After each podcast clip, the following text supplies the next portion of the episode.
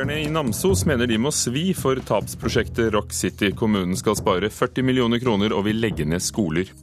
Ny bok navngir nordmenn som var med på nazistenes drap og mishandling av jugoslaviske fanger.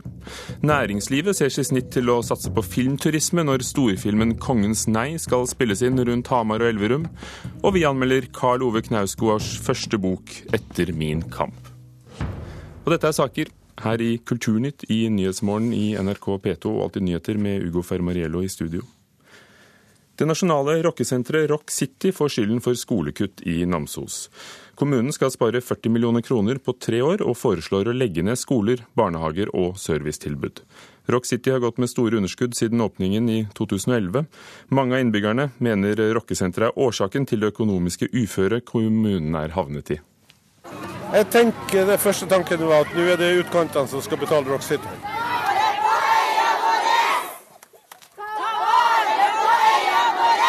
I forrige uke samla rundt 100 barn og voksne seg foran Otterøy skole. De ville markere sin misnøye til Namsos kommunes kuttforslag. Folk legger skylda på kommunens pengebruk i Rock City. Det sier Anne Grete Hestvik, som er vaktmester på skolen. Nå er det snakk om å renovere skolen her fra 2015 til 2018. Det er faktisk eh, foreløpig skrinlagt, for at kommunen har ikke penger. Og da tenker jeg at Enn man kunne brukt noen av kronene fra Rock City til bl.a. å renovere skolen. Da har vi klart å beholde både ungdomsskolen, eh, faktisk hele skolen fra første til tiende. Vi har klart å bevare barnehagen, vi har klart å bevare bo- og servicesenteret. Vi kunne hatt et godt samfunn utpå her, for tross alt vi er 850 innbyggere her. Namsos kommune må spare over 40 millioner kroner på tre år, og da foreslås det å legge ned flere skoler, barnehager og andre servicetilbud. Rita Aglen er leder for foreldreutvalget ved Otterøy skole. Eh, Jeg som bor 4,2 mil eh, unna Namsos, eh, vil jeg si at busstida til Namsos vil være over én time. Namsos kommune bruker mer penger enn andre kommuner de kan sammenligne seg med. Derfor må de kutte i sine tilbud. Folk påpeker at bare Rock Citys åpningsfest til 1 million kroner kunne ha holdt en skole gående i tre år. Robert Westerlund er pensjonert rektor på Otterøy. Politikerne i Namsos har jo ført Namsos inn i et hjørne, så de må løse.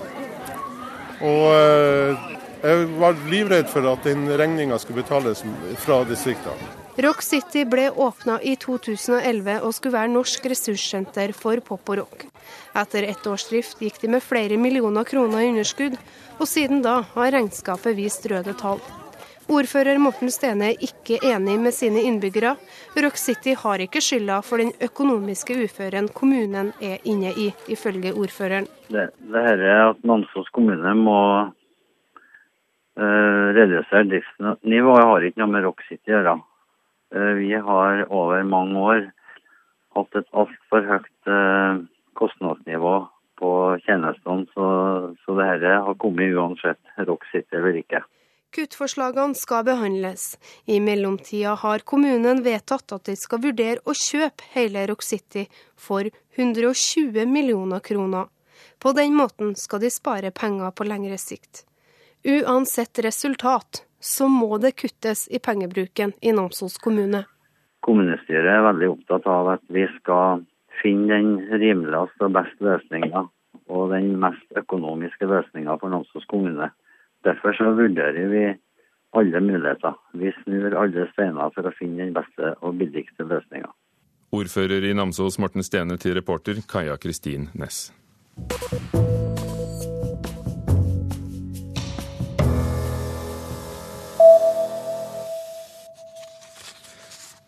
1500 kunstverk som ble stjålet av nazistene, er dukket opp. Den antatte verdien er rundt 8 milliarder kroner. Tysk politi gjorde funnet i 2011, men det ble først kjent nå gjennom nyhetsmagasinet Fokus. Bildene har befunnet seg i en leilighet i München og var blitt tatt av nazistene på 1930- og 40-tallet. Blant dem er malerier av bl.a. Picasso og Magritte. Kunstverkene lå gjemt sammen med skrot i en leilighet som hadde tilhørt Hildebrandt Gurlitt, en kunstsamler som Goebbels hadde gitt ansvaret for å ta hånd om den såkalte degenererte kunsten, som nazistene kalte det. Og den norske kortfilmen 'Å vokte fjellet' av Itzer Aliu vant natt til mandag hovedprisen på barnefilmfestivalen i Chicago, skriver Aftenposten. Dermed er filmen, som eh, i fjor ble laget som en eksamensoppgave til Filmskolen på Lillehammer, kvalifisert for vurdering til Oscar-nominasjon. Filmen har allerede vunnet Amandapris i Haugesund og Gullstolen på kortfilmfestivalen i Grimstad. Med fem måneder igjen av dommen har den yngste av de tre Pussy Riot-aktivistene forsvunnet, tilsynelatende under flytting fra en straffekoloni til en annen i Russland. Hun har ikke gitt livsstilen fra seg på to uker. Familien og advokaten frykter at myndighetene forsøker å avskjære 23 år gamle Nadezjda Tolkonikova fra all kontakt med omverdenen.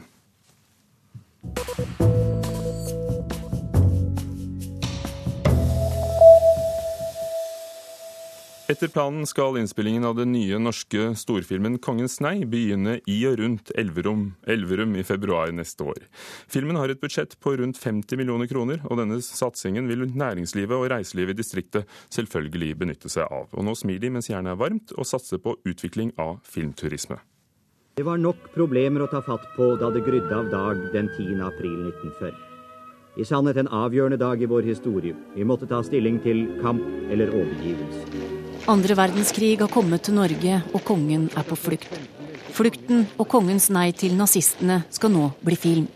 I februar starter innspillingene i Elverum og Hamar-regionen.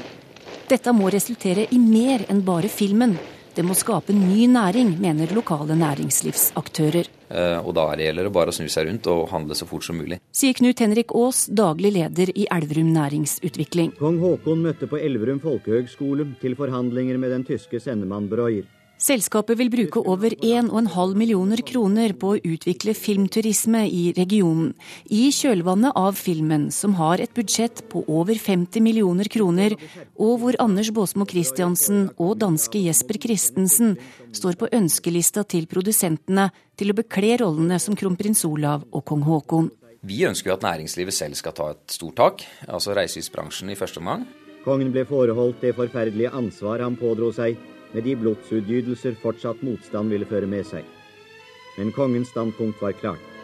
Han kunne ikke godkjenne Quisling som regjeringssjef på tysk kommando. Filmens fødsel skjedde på mange måter nettopp i Elverum, under krigsfilmfestivalen Movies on War i 2011. Da vant manusforfatter Jan Trygve Røynland en filmidékonkurranse med et manus basert på Alf R. Jacobsens bok kongens nei. Under årets Movies on War om ei drøy uke kommer regissør Erik Poppe og koprodusent Stig Haug for å invitere nærings- og reiselivet i regionen til samarbeid. Jeg pleier å kalle det å stjele varme fra, fra filmen. Og, og, Da må man jo nettopp begynne å samarbeide med de, de mulige partnerne i regionen da, som syns dette ser interessant ut. For Da må man jo også prøve å tenke litt på hva er det som er interessant for dem. Eh, og Det er der man må kanskje sette seg ned og prøve å være litt oppfinnsom sammen og prøve å klekke ut noen ideer som, som fungerer for begge parter. Og det tyske svaret kom raskt. Fortsatt jakt på vår konge og landets lovlige regjering. Stig Haug mener at nettopp denne filmen har store muligheter for næringsutvikling både i forkant og etterkant, fordi handlingene er så knytta til stedene. Det, det, er nettopp det som er spesielt. Veldig mange eh, filmer kunne jo sånn sett vært spilt inn hvor som helst fordi man bare er opptatt av en eller annen omgivelse som du kan finne mange steder. Men denne filmen hører jo hjemme akkurat på disse stedene. En rakrygget konge som ikke bøyde seg for overfallsmennenes skjendige krav, men valgte å kjempe for sitt land, måtte flykte unna forhandlernes bomber. En helt konkret idé har Knut Henrik Aas hentet fra Stockholm. Byen har tjent over 900 millioner kroner på turister som kjøper kart og følger i Lisbeth Salanders fotspor. Man kan jo drømme, da. Det får vi jo se. Men eh, vi vet jo det at det er populært der borte å følge Lisbeth Salander sine fotspor. Eh, og det burde jo være eh, spesielt interessant da, å følge kongen sine fotspor med tyskerne i nakken. Det er klart at det er interessant for utenlandske turister også. Og reporter var Torunn Myhre. Klokken er 12,5 minutter over åtte dører på Nyhetsmorgen i NRK med disse overskriftene i dag. Flypassasjerene vet ennå ikke om de får fly med Norwegian i formiddag, eller om det blir streik. Partene i konflikten forhandler fortsatt. En mann er drept med kniv i Bergen. Gjerningsmannen er ikke pågrepet. Store sikkerhetsstyrker er på plass i gatene i Kairo. De frykter bråk når rettssaken mot Mohammed Morsi og 14 andre medlemmer av Det muslimske brorskapet starter i dag. Og Karl Ove Knausgårds essaysamling er ujevn, men uhyre interessant, sier vår anmelder. Og det skal vi høre mer om senere i Kulturnytt. Nesten 3000 jugoslaviske fanger mistet livet i nazistenes fangeleire i Norge under krigen. Færre kjenner til at også mange nordmenn drepte eller mishandlet fanger i disse leirene. I en ny bok offentliggjør NRK-journalist Eirik Veum navnene på nesten 1000 norske fangevoktere og andre medlemmer av Hirden som ble dømt etter krigen. De 962 Hird-medlemmene jeg har navngitt i mine oversikter i denne boken, det er personer som ble dømt for enten vold, mishandling, drap eller tortur eller hadde ledelsesfunksjoner som gjør dem ansvarlig også for disse ugjerningene. Nazi-Tyskland sendte 4200 jugoslaviske fanger til Norge. Her ble de holdt under forferdelige forhold, og bare en tredel av dem overlevde. De fleste ble skutt og drept. De sulta eller frøs i hjel, eller de ble slått helseløs. Oftest av SS, men også av nordmenn, bekrefter Mikael Stokke ved Narvik-senteret, som forsker på jugoslavene sin skjebne i Norge. Rundt 400 nordmenn var fangevoktere, bl.a. på veiarbeid i Nord-Norge. Dessverre så var det en del som utnyttet situasjonen til å bruke bajonetter på dem, og til å skyte fanger rett ned uten noen som helst grunn. I bokserien 'Nådeløse nordmenn', der dette er den andre boka, har Eirik Veum nærmest gjort det til sitt varemerke å trykke liste over nordmenn som gikk nazistene sitt ærend, og fortelle hva slags forbrytelser de gjorde seg skyld i.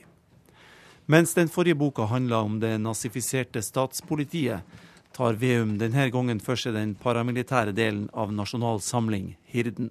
Hird-medlemmer tok del i noen av de verste krigsforbrytelsene som fant sted på norsk jord under hele andre verdenskrig.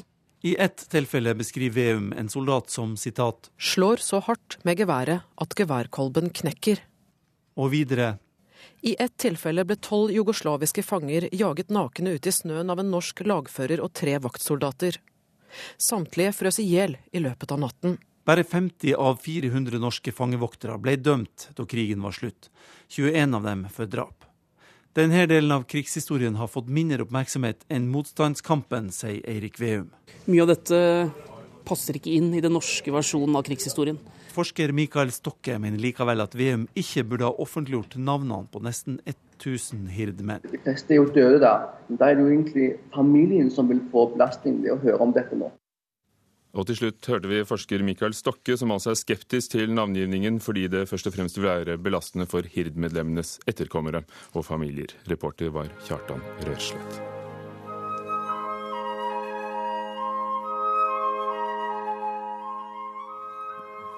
I dag blir radiokanalen NRK Klassisk relansert. Den har vært gjennom en liten oppussing og får ny musikkprofil, og flere timer daglige direktesendinger med kjente gjesteprogramledere. Og kanalsjef for NRK Klassisk, Ragnhild Weire. Det vi hører her, er det typisk for det kanalen skal være? Det er det absolutt. Det er jo norsk musikk, og det er en eh, vakker eh, perle. Og det, det er jo Edvard Grieg. Og det er norske utøvere. Så dette er musikk som vi absolutt vil spille mye av i den nye kanalen. Og så er det morgenstemning, og det er nettopp denne morgenen du skal åpne kanalen eh, for lytterne. Hva vil være annerledes for NRK Klassisk, eller Alltid Klassisk som det het tidligere? Har hatt mange lyttere? Ja, det, det, aller viktigste nå er at vi har jo våre gode programledere på luften. I uh, ca. 14 timer hvert døgn så vil det nå være dyktige musikkjournalister som uh, setter deg inn i musikken, gir deg det lille ekstra som gjør at du får en større lytteropplevelse når du hører på klassisk musikk. Men hva er nytt? Fordi dere har jo alltid spilt klassisk musikk? Ja, men nå har det vært en jukeboks de siste årene. Vi har eh, nedgradert litt eh, den siste tida, og nå er det opp igjen for fulle mugger. Og så Foruten denne programledelsen så er det jo seks timer direktesending hver dag, hvor lytterne nå kan eh, komme med spørsmål og få spilt sine ønskefavoritter. Og så er det òg det at musikkprofilen er endra litt, sånn at du kan få mer av de viktigste klassikerne fra fire århundrer, som vi sier. Så det skal skal være, du skal få høre dine klassiske favoritter på denne kanalen, men du skal også få rikelig med muligheter til å kanskje skaffe deg noen nye favoritter også. For Det har vært snakk om uh, intervjuer dere har gitt at det er snakk om at publikum gjerne vil ha gjenkjennelse. Men er det ikke sånn at det etter hvert er blitt veldig lett å skaffe seg den musikken vi allerede vet om? Burde ikke radio nettopp tilby den musikken vi kanskje ikke visste at vi likte? Jo, men så viser undersøkelser at uh, på Spotify så blir folk uh, litt i limboland. Det er ikke alltid man vet hva man skal søke på av det enorme fjellet der ute av musikk. Så det er jo nettopp det som er vår jobb, det er å kuratere kanalen. Sånn at du kan få de viktigste og de fineste fineste klassikerne hos oss. Og så får du også presentasjonen. Så det er jo musikkjournalistikken her som virkelig òg spiller en viktig rolle. Tor Gjermund Eriksen, kringkastingssjef, gratulerer med ny kanal. Takk skal du ha. NRK Klassisk har eh, vært satset på, skåret ned, fått ny profil, holdt på å bli nedlagt i 2001. Flere ganger har dette skjedd. Men nå satser du igjen. Hvorfor nå? Dette er jo et viktig tiltak eh, for å ta det store spranget for radio i Norge, nemlig å digitalisere radio. Få alt over på DAB i løpet av før 2017. Og, og, vi har litt erfaring nå som er utrolig morsomt og interessant. Og det er Vi lanserte jo eh, P1 Pluss for eh, en drøy måned siden. Og det vi ser, er at når publikum får eh, bli tilbudt bedre og mer radio, så lytter man mer til radio. Og P1 Pluss har jo blitt en mye større suksess enn det vi, vi, trodde. Og det er ikke sånn at uh, lytterne nødvendigvis kommer fra andre radiokanaler, men de ser mindre repriser på TV på dagen og gjør mindre andre ting. Igjen så, så, opplever vi altså bedre radio som treffer flere, gjør at radioen vokser litt igjen. Og det vil bety da at flere vil kjøpe digitale mottakere, ja, DAB-radioer, ja, altså, slik at dere kan skru av nettet på FM i 2017? Ja, ja, men så er det jo ikke sånn at det er NRK da som skal bestemme dette. Dette er faktisk en, en forpliktelse NRK har, eh, i tråd med et stortingsvedtak, at vi skal gi såkalt eh, digital tilleggsverdi. Nettopp å stimulere og gjøre at forbrukerne er med oss på dette løftet for norsk radio, så skal vi gi bedre radio på DAB-kanalene. Og NRK Klassisk er et viktig tiltak.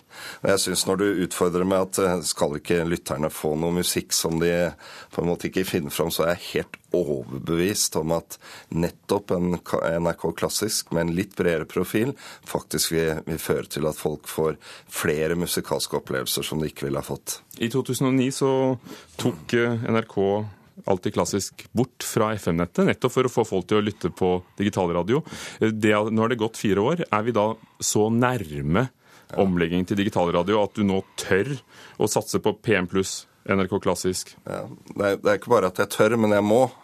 Eh, og vi vil, fordi at vi vil lage et bedre radiotilbud. Og nå, om ett år, så, så, skal vi måle det at halvparten av norske lyttere skal lytte på digitalradio. Og dette er et viktig tiltak for å, for å, få til det. For det er så mye bedre når folk gjør det fordi de får noe mer og noe bedre, enn at de blir tvunget til det. Ragnhild Weire, kanalsjef i NRK Klassisk. Du har sagt at dere skulle løfte frem norsk musikk og norske klassiske utøvere. Hvordan? Gjennom å spille mye av det også. Intervjue dem også? Ja, det, I dag har vi et intervju med en kilde som kan fortelle oss mer om jubileet til den norske mellomkrigskomponisten eh, David Monrad Johansen, som har jubileum og skulle hatt bursdag nå på fredag. Og så spiller vi den eh, musikken hans. Så her blir det også rom for å gjøre journalistikk, men ikke minst her er det mange musikkjournalister med mye paratkunnskap om nettopp denne sjangeren. Ragnhild Weirem og Tor Gjermund Eriksen, tusen takk. NRK Klassisk åpner altså klokken den har egentlig allerede åpnet, men eh, klokken 9.03 så vil du møte Eriksen igjen sammen med Mari Lundan. Han skal presentere sin ønskefavoritt.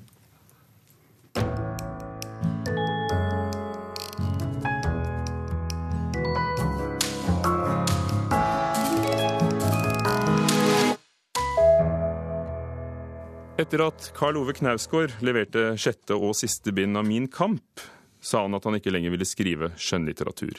Nå har han gitt ut en bok i en annen sjanger, som han kaller tekster. Vår kritiker Marta Norheim har lest boken 'Sjelens Amerika'. Hun kaller det derimot en essaysamling. Når skjønnlitterære forfattere flytter seg over i essayistikken, skjer det interessante ting.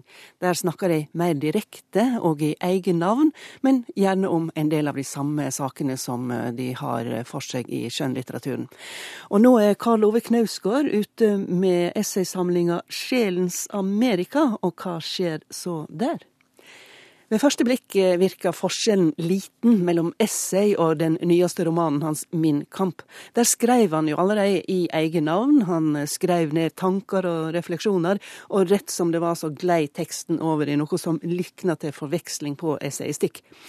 Likevel er det noe som er annerledes i denne boka, Sjelens Amerika, tekster 1996 til 2013, trass i at han skriver om flere av de samme spørsmåla som var oppe i romanen.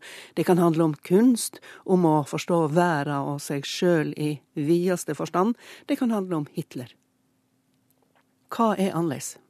Ytre sett er forskjellen stor. Dette er ei tynn bok i Knausgård-sammenheng, og her har hver tekst en tittel, og dermed et definert startpunkt og sluttpunkt. Disse punktene er ikke så veldig langt fra hverandre heller.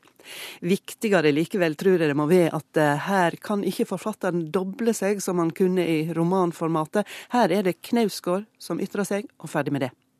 Dermed leser jeg denne boka på en annen måte, og jeg legger merke til ting som jeg ikke i samme grad så i romanen, sjøl om de kanskje fantes der også.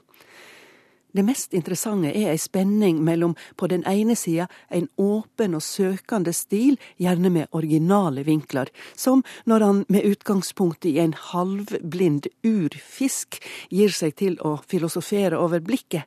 Men det skjer via treet. Treet har ikke øyne. Og så er vi plutselig i opplysningstida, der teleskopet og mikroskopet kom og utvida det menneskelige blikket utover og innover. Her går assosiasjonene høyt og lågt og viser oss verden ifra vinkler som ikke er opplagte. Noe av det samme kan en finne i flotte tolkinger av fotografi av mellom andre Cindy Sherman, og bøker, ikke minst av Hamsun. På den andre sida dukker det jevnt og trutt opp påstander som blir slått fast, virkelig fast. Denne relevansen er universell, den har ingenting med det som måtte oppstå i det sosiale og politiske å gjøre, står det i ei drøfting av Monets målerkunst. At tanker, refleksjon og kritikk er direkte ødeleggende for kreative prosesser, er udiskutabelt, ifølge forfatteren, som slår fast at dette er et absolutt faktum, og det finnes ingen unntak. Som assosierende og kunsttolkende essayist er Knausgård uhyre sterk, og Sjelens Amerika byr på mye å gruble over som jeg må la ligge her. Men i tillegg fins det noe bombastisk i denne boka, som stopper opp og som trekker ned. Sa Marta Norheim, vår kritiker, om essaysamlingen 'Sjelens Amerika' av Carl Ove Knausgård. Den legendariske franske regissøren Claude Régie får den norske kongens fortjenestemedalje for sin innsats for norsk scenekunst i Frankrike. Han har bl.a. satt opp stykker av Jon Fosse og Arne Lygere. I kveld mottar regissøren medaljen i ambassadørens residens under en mottagelse. Je pense que les récompenses sont toujours un peu troublantes. On n'a pas été récompensé. Jag har väl egentligen inte gjort något speciellt för att förtjäna kungens förtjänstmedalj, säger Claude Regi, när vi träffas i hans hem i det centrala Paris. Men han medger efter en stund att det ska bli kul att få en utmärkelse. Jag är inte bortskämd med priser, säger han. Norska ambassadens Ellen Jørgensen er rådgivare på kultursektionen og arbeider bl.a. med scenkonst. Hun sier så her på frågan hvorfor ambassaden gir utmerkelsen til Claude Régie. Ja, dette var på tide. Dette er viktig, for han har vært med på å gjøre norsk dramatikk og norsk eh, litteratur godt kjent i Frankrike på en helt ny måte. Og fordi han er en meget, meget respektert iscenesetter i Frankrike. Og jeg syns virkelig det er meget fortjent. 90-årige Claude Regie er en fransk iscenesetter, teaterregissør, men som fått sin storhet først på senere år. Han motarbetades lenge av både kritiker og teaterdirektører. Men det har ikke stoppet ham fra å fortsette med sin passion, teater.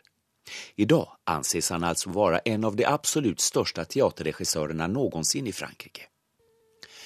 Den norska ambassaden i Paris har haft med Claude Regi att göra sedan 1999 då han satte upp John Fosse. Aldrig tidigare hade en norsk samtidsdramatiker blivit så omtalad i Frankrike. Fosse fick därmed en enorm medial spridning.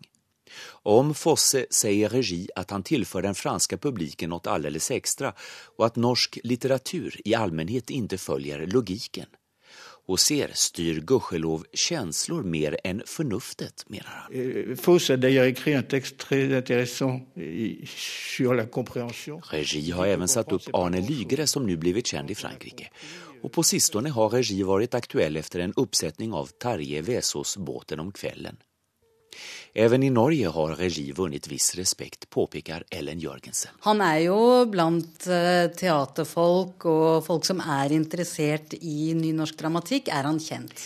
Teaterregissøren Claude Regi anser ikke at selve dramat er det viktigste, utan han legger størst vikt ved å få skuespilleren til å uttrykke sine følelser. Even tystnad, stillhet, får stor betydelse i pjäserna. I tystnaden finns outtalade ord som hjälper att befria vissa känslor. Le silence n'est pas un arrêt de la parole et que le, le silence parle. Claude Régie är en pigg 90-åring som bor på sjätte våningen utan hiss. Fast han säger sig vara lite nervös inför utdelningen av kungens förtjänstmedalj som ges till honom på norska ambassaden ikväll. För Norges del hoppas Ellen Jørgensen at intresset for norsk litteratur skal øke enda mer i framtiden her i Frankrike. Vi, vi håper det.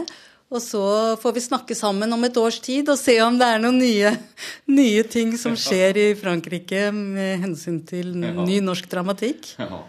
Vår reporter i Paris er Johan Tolgert. Han traff regissøren Claude Regi, 90 år, som får Kongens fortjenestemedalje i kveld. I Kulturnytt har vi hørt at innbyggerne i Namsos kommune skylder på Rock City-skandalen, når kommunen skal spare 40 millioner kroner på tre år og legger ned både skoletilbud og andre servicetilbud. Karl Ove Knausgårds essaysamling er uhyre interessant, men tidvis bombastisk, sa vår kritiker Marta Norheim. Og de som har laget Kulturnytt, var Hans Ole Hummelvold, teknisk ansvarlig, Sondre Bjørdal, produsent, og Ugo Fermariello, programleder.